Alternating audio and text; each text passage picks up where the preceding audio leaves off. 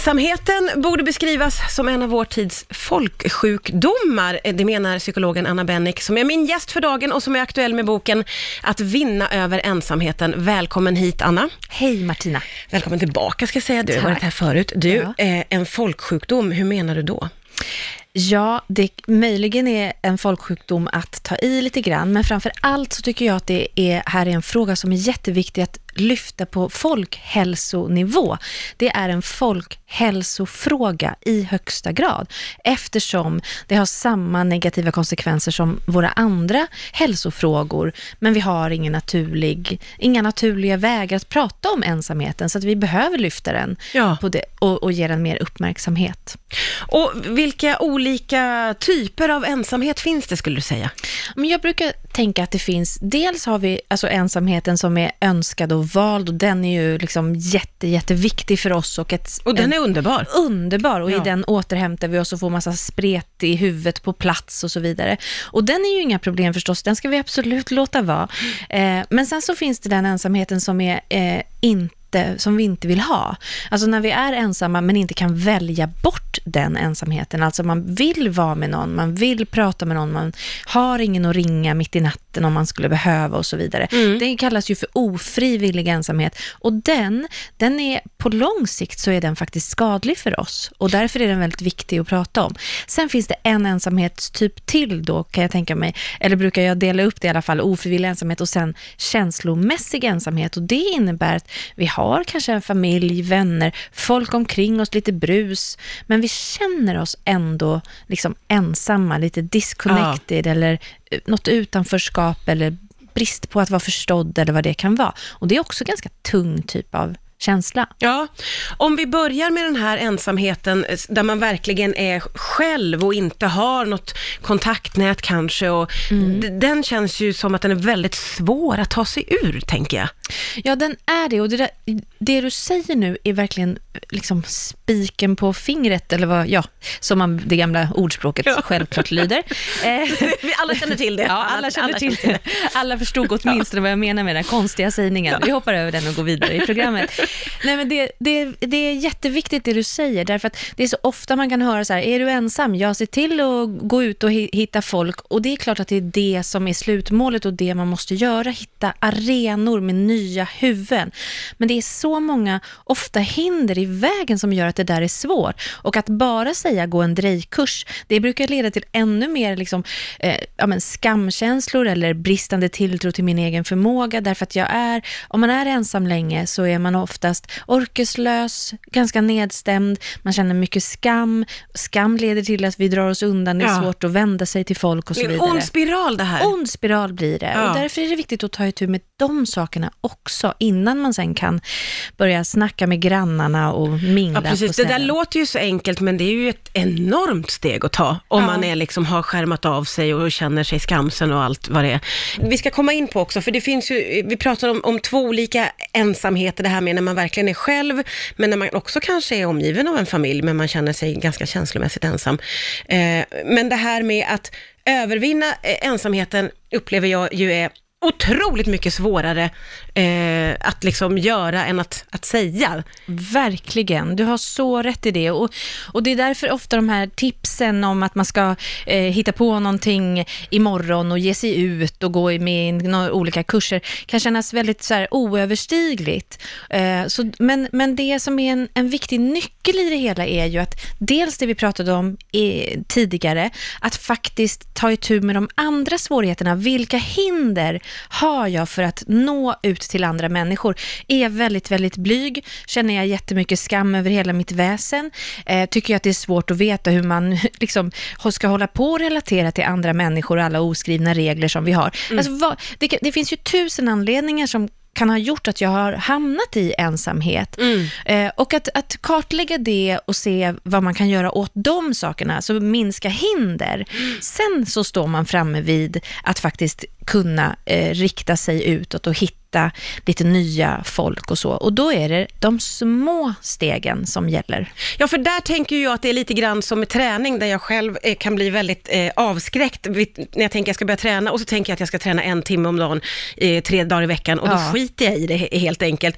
Men Ja. istället ska man ju bara tänka så här, jag ska försöka använda min kropp varje dag, alltså att man ska Ja, lägga det på en lite lite mer. lagom nivå. Ja, precis. För det som händer är att, att jag kanske verkligen inte orkar gå på något eh, konstigt mingel med jobbkollegor jag inte känner mig trygg med. Det är helt uteslutet, det tipset. Mm. Men vågar jag kanske ringa på en granne som jag såg har brutit foten och säga, hej, jag såg att du går på kryckor, ska jag köpa hem mjölk? Mm. Bara en sån liten sak, en, en sån liten handling kan faktiskt göra att man får en kort stund av meningsfullt möte, vilket gör att man får lite mer energi och lite lyckas vända eh, den här negativa spiralen. Och det kanske gör att man sen vågar ja, göra någonting annat, småprata lite med någon inne på mataffären eller gå med i den där bokcirkeln på biblioteket eller vad det nu kan Man får ta det i små, små, Små, små steg, steg. helt enkelt. Ja, och ta hjälp och stöd av professionella typer om det är för svårt, för det är inget konstigt om det vänder sig i hela kroppen. Det var ju du inne på inledningsvis, att om man känner sig väldigt, väldigt ensam så kanske man har lite svårt att vända sig till exempel till sjukvården, för det känns Ja. inte som att det är liksom, det är väl ingen diagnos? Alltså, Nej, ska jag gå till vårdcentralen och säga hej, jag har inga kompisar? Det gör ju ingen. Nej. Men det är det som gör att så fort man pratar om sådana här saker så kommer det massor med brev. Ni har fått massor, Ja, ja, ja, det händer jag. jättemycket på våra sociala och medier. när jag pratar om de här sakerna i Nyhetsmorgon så kommer det massor med brev och jag tror att det handlar om att, det, att det, vi har inte så många ställen att vända oss till med vår ensamhet och det leder ju till ännu mera ensamhet Mm. Ja, förstås. du har ju nämnt den här känslomässiga ensamheten några gånger. Kan du beskriva den? Ja, eh, känslomässig ensamhet, det är den ensamhet som man, som man upplever, som är liksom en, en känsla man har, även fast man kanske har människor omkring sig. Det är klart att man känner sig ensam om man är ensam också, men, men det behöver ju inte alltid hänga ihop.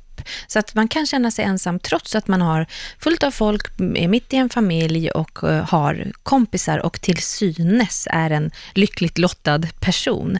Men med en så här ständig känsla av lite exkludering, utanförskap, annorlundaskap kanske. Man känner sig inte sedd eller förstådd eller ehm, om man också lever normbrytande så är det ofta en vanlig eh, följd, Mm, känsla mm. att vara annorlunda och ensam i det.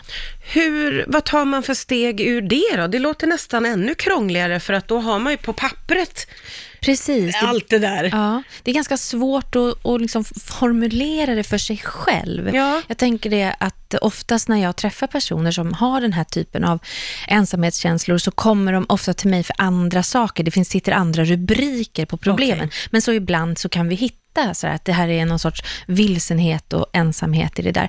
Och det viktiga är ju att, att på något sätt så här bena ut det. Alltså, eh, vad, är, vad kommer känslorna ifrån? I vilka situationer uppstår de? Vad händer? Vad gör man när man har det? Och så vidare. Så att där får man göra väldigt mycket liksom, detektivarbete och pussla, lägga lite pussel och, och kolla. Eh, och då kan det vara massa olika orsaker och anledningar till det och utifrån det sen så vet man lite mer vad man, vad man kan göra åt det. För där tänker jag ju också att det måste vara svårt eh, nästan att identifiera för en själv, om man känner sig ensam och att man mår dåligt, men man har, låt oss säga, en familj eller vänner eller vad det är, Ja. eh, och då blir det ju ännu mer så här, ensamhet är ju inte en sjukdom, alltså det måste kanske vara svårt att identifiera det. Ja, verkligen. Det är svårt att identifiera det och det är också svårt att vända sig och söka hjälp för det. Både ofrivillig ensamhet som vi var inne på tidigare, men också den här känslomässiga ensamheten därför att vi har ett ganska dåligt språk för den här typen av svårigheter. Och det är därför jag menar, apropå gå tillbaka till vad vi pratade om precis i början, att vi behöver lyfta frågan också på samhällsnivå. Bli bättre på vårdcentralen att screena för socialt nätverk som är jätte, jätteviktigt för vår hälsa.